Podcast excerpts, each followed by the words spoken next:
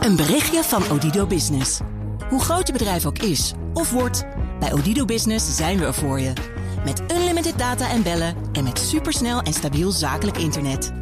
Ook via glasvezel. Ontdek wat er allemaal kan op odido.nl/slash business. Het kan ook zo.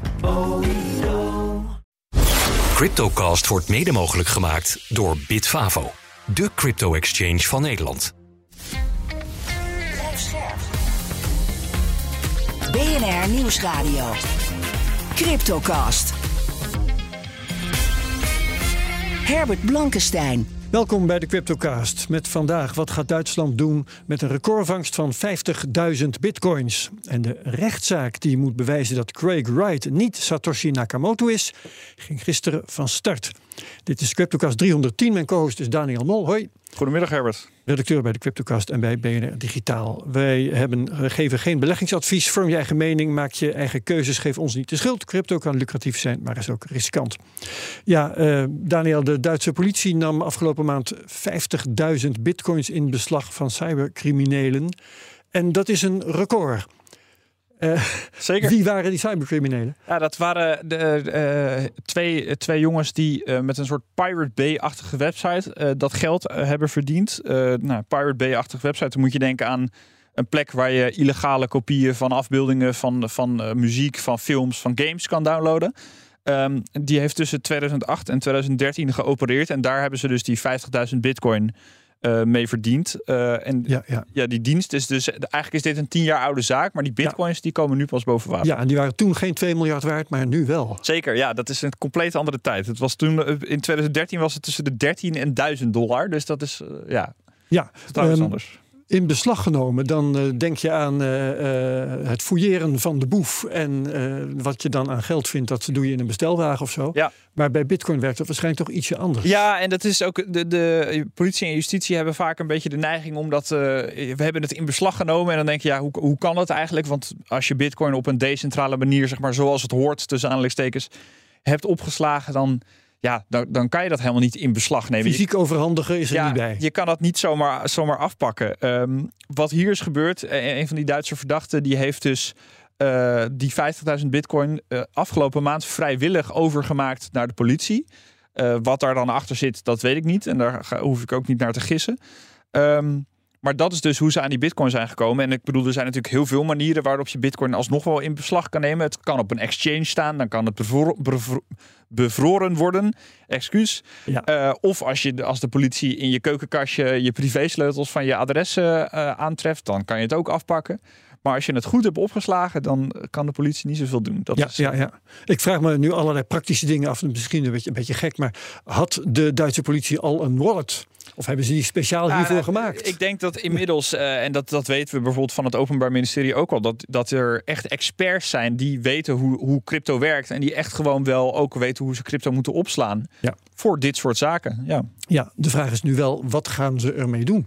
Nou, dat moet nog worden besloten. En de, de, nu staan ze een soort van in tijdelijke stalling. En daarna gaat, het, gaat er echt een rechter een beslissing nemen van... oké, wat doen we met deze bitcoin? En dat is best een grappig fenomeen. Want ja, bitcoin is de afgelopen jaren vaker gestegen dan het is gedaald.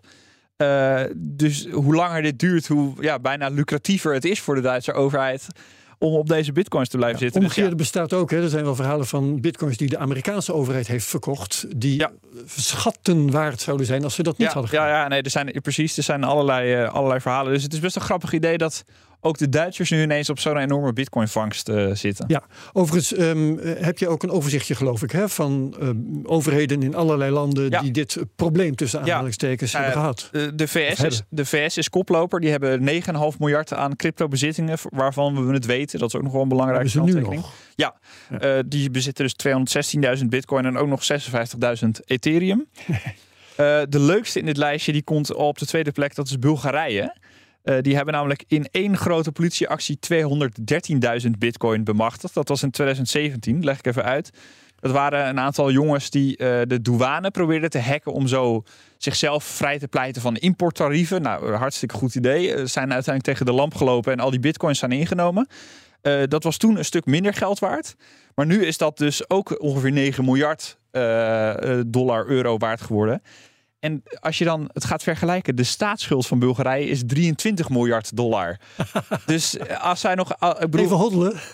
Precies, als we nog één keer uh, een stijging hebben die we al een paar keer hebben meegemaakt, dan kun je gewoon een hele staatsschuld afbetalen met de bitcoin die in 2017 in beslag zijn genomen. Om een andere vergelijking te maken, dit is 1% van de wereld bitcoin voorraad. Ja, ja dat is bizar. Ja, dat klopt. En, uh, ja. Bulgaren toch? ja, China zit op 190.000 om het lijstje even af te maken. De Britten op 61.000 en Duitsland op 50.000. Ja, en kun je iets algemeens zeggen over wat de overheden in al die landen ermee doen? Ehm, nou, vaak wordt het eh, verkocht en dat gaat op allerlei verschillende manieren. Ik heb zo ook een voorbeeldje over uh, Nederland. Dat is ook wel geestig. Dat, daar kom ik zo op. Maar ehm, eh, in Amerika bijvoorbeeld veilen ze het regelmatig. Net zoals je dan een auto die in beslag genomen is, wordt geveild. Nou, dat is op zich een eerlijke manier. Bij Bitcoin voelt dat veilen dan een beetje gek. Omdat je gewoon, ja, je hebt een extreem liquide markt.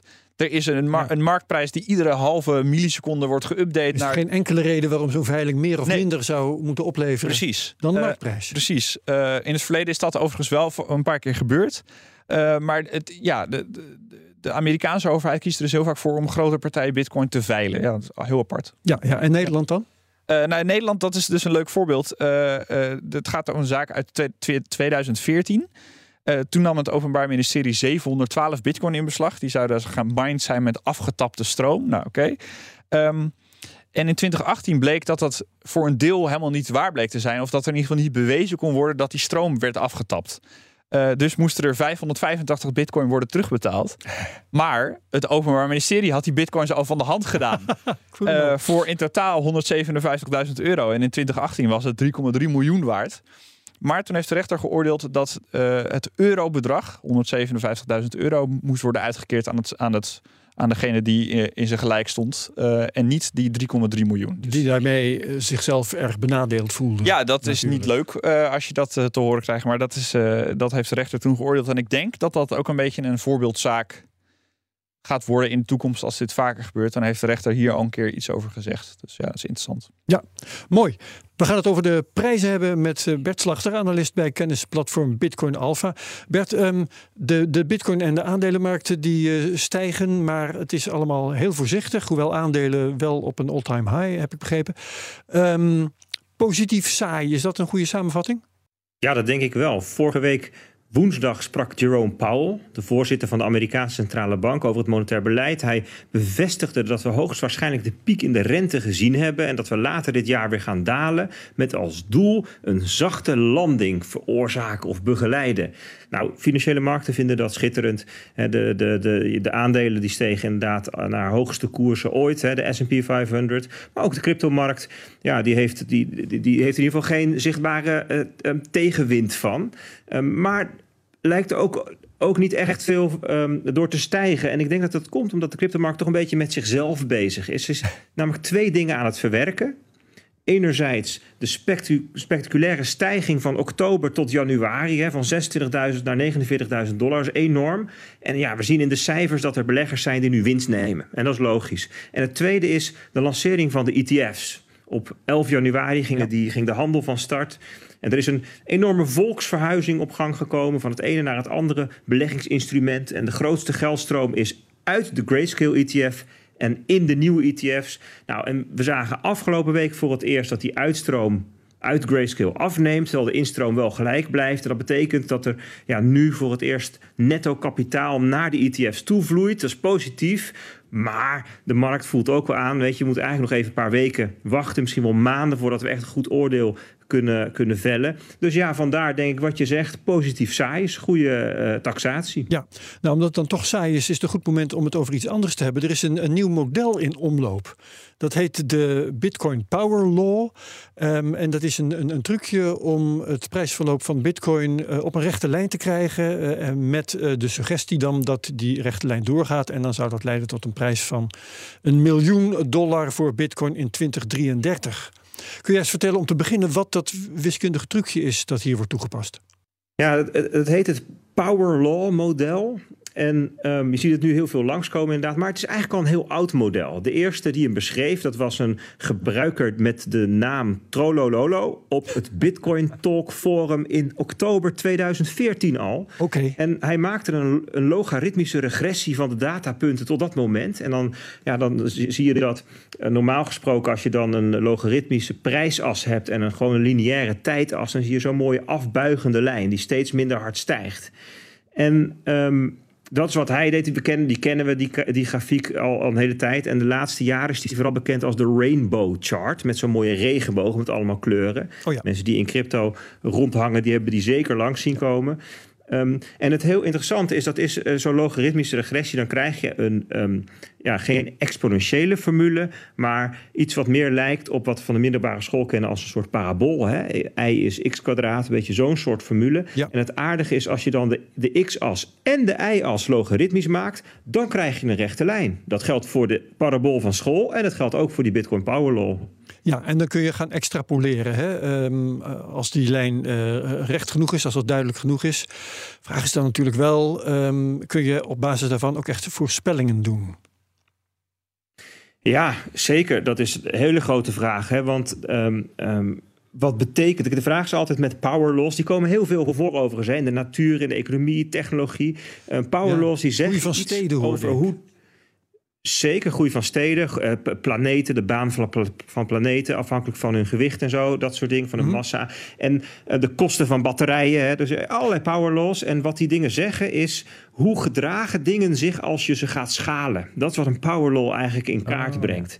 En dat Bitcoin zich zo goed laat beschrijven door een power law, dat suggereert dat er iets karakteristiek is aan de manier waarop Bitcoin als technologie groeit, hoe het geadopteerd wordt. Het is eigenlijk een soort vingerafdruk van Bitcoin. En dat is wat het interessant maakt. Nou, je voelt eigenlijk al aan, je noemde het voorbeeld van steden, dat is ook een heel goed voorbeeld. Hè? Dus hoe steden groeien, hoe steden groter worden, laat zich ook beschrijven met power laws.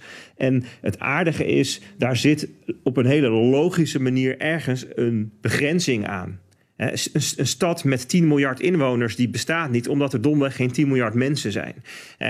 Dus, en een stad met nul inwoners, weet je wel. Dus er zit, er zit ergens een soort van logische begrenzingen aan dingen. En dat zal dus ook gelden voor deze power law van Bitcoin. Er zit, daar zit een mechanisme achter. Dat, dat, dat gaat over de groei van het netwerk en de groei van het netwerkeffect en hoe dat dan uh, zich voortplant en zo. Ja, dat kan niet oneindig lang doorgaan. Op een gegeven moment het meest extreme geval heeft iedereen in de wereld iets met bitcoin en dan stopt dat, weet je wel. Dus um, het is een heel aardige manier om de groei zoals die nu is te beschrijven, om dat op een of andere manier in kaart te brengen en dan krijg je een mooie rechte lijn, kun je extrapoleren, maar dat kan je zeker niet maar eindeloze toekomst in doen. Nee, en de grote vraag is dan dus, uh, haalt die Power Law 2033 of haalt hij dat niet? Ja, klopt. Nou ja, je kan hem nog verder extrapoleren. Hè. Als je hem verder doortrekt wel, in 2056, ja. dan zou die komen bij 1000 biljoen dollar aan marktwaarde. Dat is meer dan wat er nu aan vermogen is in de wereld. Dus we weten zeker dat in 2056 dat hij niet meer klopt. Maar ja, waar die dan een keertje breekt, dat, ja, dat moeten we maar eens gaan afwachten. Oké, okay. nou uh, voor dit moment dan uh, alvast bedankt. Uh, Bert Slachter, analist bij kennisplatform Bitcoin Alpha. En in 2056 praten we hier verder over. Verder met het nieuws. De rechtszaak tussen de Cryptocurrency Open Patent Alliance, kortweg COPA, en Craig Wright aan de andere kant, die is maandag van start gegaan. Wright uh, doet zich al jaren voor als Satoshi Nakamoto, de bedenker van Bitcoin. Heeft dat nooit werkelijk bewezen. Daniel, je hebt vorige week met uh, Bert Slachter vooruitgeblikt naar deze zaak. Hij is nu echt begonnen. Wat is de inzet? Ja, Copa die heeft als doel om eigenlijk Craig Wright voor eens en voor altijd te ontmaskeren als, als huigelaar, als, als leugenaar. Uh, Craig Wright die claimt dus inderdaad al sinds 2016 volgens mij dat hij Satoshi Nakamoto is. Heeft dat nooit echt kunnen bewijzen en dat kan heel makkelijk. Ja, um, met uh, het overmaken van een van de oerenbitcoins. Ja, bijvoorbeeld, of het digitaal tekenen met een van die adressen. Er zijn allerlei technieken ja. waardoor dat heel makkelijk kan. En dan zou iedereen kunnen zeggen: Oké, okay, nou ja, je hebt in ieder geval de toegang tot de adressen van Satoshi Nakamoto. We weten dat niet of hij dat nog steeds is, maar goed. Ja. Um, en om de, de COPA wil hem eigenlijk juridisch het zwijgen opleggen, zodat hij ook niet meer kan procederen tegen Bitcoin-ontwikkelaars, tegen mensen uit de Bitcoin-gemeenschap. Want dat is in het verleden heel veel gebeurd. Nou, en dat is ook precies de reden waarom dat COPA, die, die Open Patent Alliance, is opgericht. Uh, dat idee komt van Jack Dorsey, dat is de oprichter van, van Twitter. En van Blok. En van Blok, ja. Dus dat is ook, nou, de naam zegt het bijna al, die, dat is een Bitcoin bedrijf. Die zijn nogal begaan met Bitcoin. En dan heb je al genoeg reden om deze Craig Wright uh, eens een lesje te willen leren. Ja, um, de, de, de, rol van Jack Dorsey, die is dus als een soort uh, mecenas, uh, als een gulle geldschieter daarin gestapt. Ja, die is in 2021 met, met deze Open Patent Alliance begonnen. Uh, met een aantal andere ontwikkelaars. Eigenlijk met het idee van, nou ja, ik sta, ik sta vierkant achter de ontwikkeling van open source Bitcoin. en dat zijn dat, die, die ontwikkelaars, ook bijvoorbeeld Source Provost in Nederland, die werken met donaties of, of sponsors eigenlijk. Dus bedrijven die ervoor kiezen om te gaan sponsoren. Om ze daartoe in staat te stellen. Ja, we hebben ook uh, de Amerikaanse ETF-aanbieders die bijvoorbeeld 10% van hun opbrengsten doneren aan Bitcoin development, omdat dat hun ook dat het hele ecosysteem ten goede komt. Ja. Dus ook die ETF's.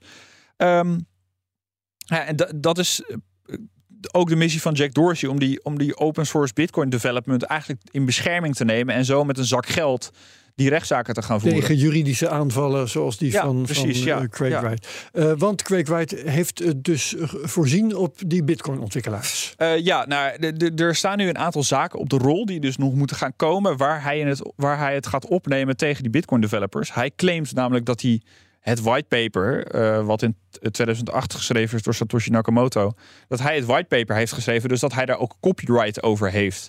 Nou, al die ontwikkelaars die gebruiken dat whitepaper in het ontwikkelen van Bitcoin. En het, ja, dat is een open source project, dus iedereen mag ermee doen wat ze willen. Um, en die rechtszaken gaan dus ook echt over van, nou oké, okay, uh, jij mag je niet eh, met Bitcoin bemoeien, want het is van mij. Ja, um, ja, software idem dito, hè? daarvan ja. zegt hij ook, uh, daar heb ik de rechten op. Ja. Dus als je daar wat mee wil doen, dan moet je licentie nemen. Ja, en als, als Copa dus nu het voor elkaar krijgt om te bewijzen dat hij, dat, dat hij niet Satoshi Nakamoto is en dat hij dus allerlei dingen bij elkaar heeft gelogen, dan heb je een heel sterke positie in al die andere rechtszaken die nog moeten komen. Dan zijn ze eigenlijk al bijna verloren voor Craig Wright. En dat is wel heel interessant. Ja, dat is interessant. Maar wat ook interessant is, dat uh, in theorie in ieder geval kan ook het omgekeerde gebeuren. Er staan gewoon twee partijen tegenover ja. elkaar met een rechter daartussenin. Ja. En uh, nou, argumenten kunnen goed of slecht zijn. Rechters kunnen goed of slecht zijn. In ieder geval, je kunt niet uitsluiten dat die rechter zegt van ja, meneer Wright uh, komt met een heel plausibel verhaal. ik denk eigenlijk dat hij het wel is. Ja, nou, en dan? Ja, nee, dan, dan hebben, we, hebben we, zeg ik, dan heeft de Bitcoin-gemeenschap een serieus probleem. Uh, en dan denk ik dat je ook, ja, dan zit je. Eigenlijk staat de ontwikkeling van Bitcoin dan stil, op zijn zachts gezegd. Niemand durft meer dan te ontwikkelen. Je merkt nu al dat er, dat er in die gemeenschap een beetje angst is. Ja, je kan zomaar voor de rechter worden gesleept. En dat zijn mensen die willen code schrijven, die willen niet in een rechtszaal zitten. Het volkomen logisch. Wat ik me wel afvraag, uh, juridisch dan. Um, Craig Wright kan dan wel claimen dat hij de rechten heeft en dat, hij, dat mensen bij hem een licentie moeten halen. Maar die software is al jaren open source. Dat kun je toch niet zomaar ongedaan maken? Ja, dat, het is een heel raar verhaal uh, en waar Craig Wright dit op baseert. En uh, eigenlijk, je zou zeggen met het blote oog, en ik ben geen jurist, uh, dit is een kansloze missie van hem. Alleen hij is hier al zo lang mee bezig en het is bijna een soort zijn bestaansrecht geworden om dit te gaan ja. doen. Met een hele zak geld van zijn van rijke vrienden dat ja, de, de, het, het, legt in ieder geval heel veel druk op de ontwikkeling van, van Bitcoin, als je dat zo bekijkt. Ja, ja dat, is, dat is zeker zo. Um, de rechtszaak is nu begonnen. Is Craig Wright daar ook inderdaad fysiek komen opdagen? Ja, en dat vond ik nogal verbazingwekkend dat hij uh, is komen opdagen. Normaal is hij de aanvallende partij, de aanklager, de, en niet de verdedigende partij. Nou, nu is hij dat wel. Um, hij heeft overigens wel geprobeerd om hier nog even onderuit te komen. Hij kwam uh, een aantal weken terug met een totaal onredelijk schikkingsvoorstel. Nou ja, dat doe je normaal als je uh, de aanklager bent en niet de verdediger. Dat sowieso. Ja, die, ik, ik wil met hem de hand over het hart strijken. Maar... Ja, ja, heel apart. Terwijl hij nou juist voor de rechter wordt gesleept. Ja, en uh, de, daar moest Copa ook eigenlijk toegeven. Dus die Open Patent Alliance moest ook eigenlijk toegeven dat hij wel Satoshi Nakamoto is. En dat het allemaal een beetje overdreven was. Nou ja, Copa die trapte daar natuurlijk niet in. Uh, maar dat, hij probeerde het wel om er weer even onderuit te komen. Nou, heel apart. Ja. ja. we hebben twee dagen achter de rug. Um, wat is er voorgevallen? Ja, we zitten nu echt in de inleidende beschietingen, zou ik het maar noemen, van, van zo'n rechtszaak. Dus de, de, de twee partijen die gaan hun bewijs presenteren. Um, en dat is wel grappig, want uh, Copa die heeft dus een hele berg aan bewijs meegenomen om aan te tonen dat Craig Wright niet Satoshi Nakamoto is. Dat hij al jaren de boel heeft proberen te belazeren.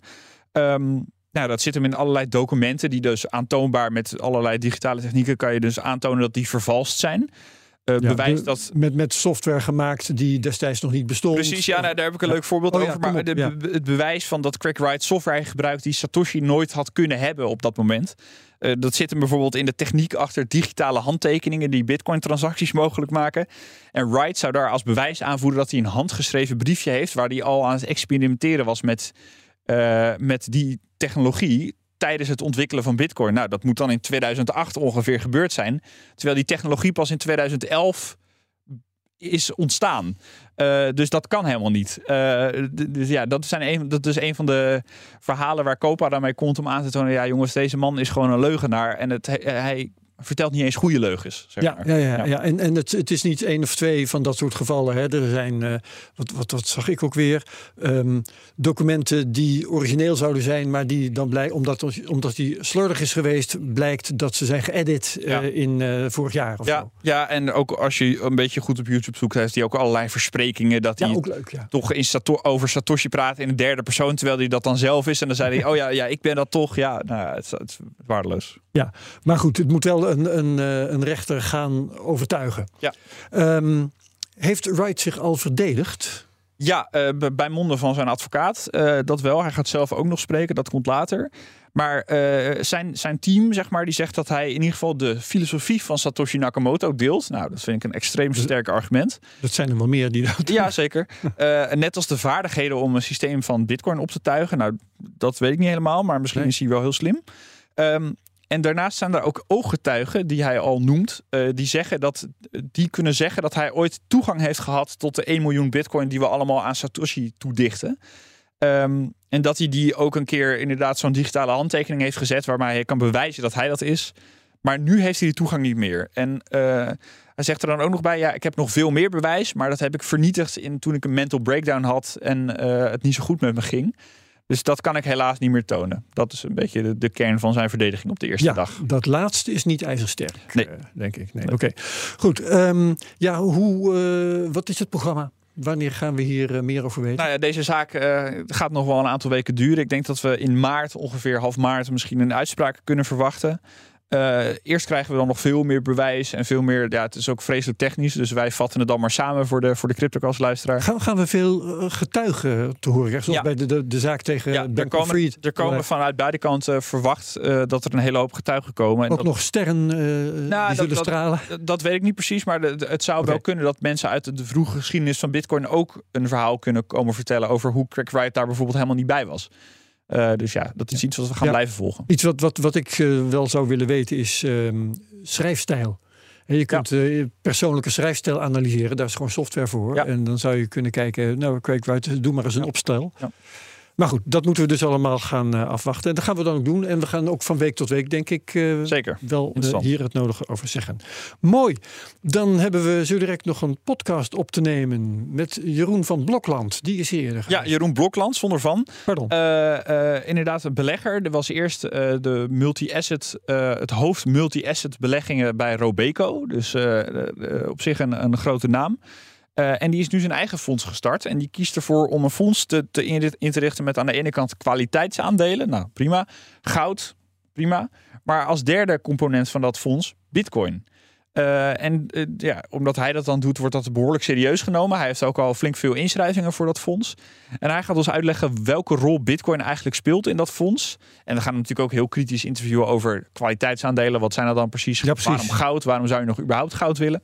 Ja. Uh, Co-host is Paul Buiting, dus dat belooft een interessant gesprek. Ja, en dat is interessant zeker omdat Paul Buiting in het goud zit. Ja, zeker. Maar ook een heel lang verleden heeft in de Bitcoin-wereld. Want die was in 2011, 2012 ook al bezig met Bitcoin. Dus die weten ook veel uh, van beide kanten. Prachtig. Nou, um, daar verheug ik me op. Gaan we straks opnemen. Uh, en is dan uh, kort nadat deze podcast gepubliceerd is, is hij beschikbaar. Tot zover de Cryptocast op BNR. Dankjewel Daniel Mol als mijn co-host. Wie meegaat naar die podcast heel erg graag. Zo niet, dan is het ook prima. En dan zien we je graag terug volgende week bij de Cryptocast op BNR. Cryptocast wordt mede mogelijk gemaakt door Bitfavo de crypto-exchange van Nederland. Een berichtje van Odido Business. Hoe groot je bedrijf ook is of wordt, bij Odido Business zijn we er voor je. Met unlimited data en bellen en met supersnel en stabiel zakelijk internet. Ook via glasvezel. Ontdek wat er allemaal kan op odido.nl/slash business. Het kan ook zo.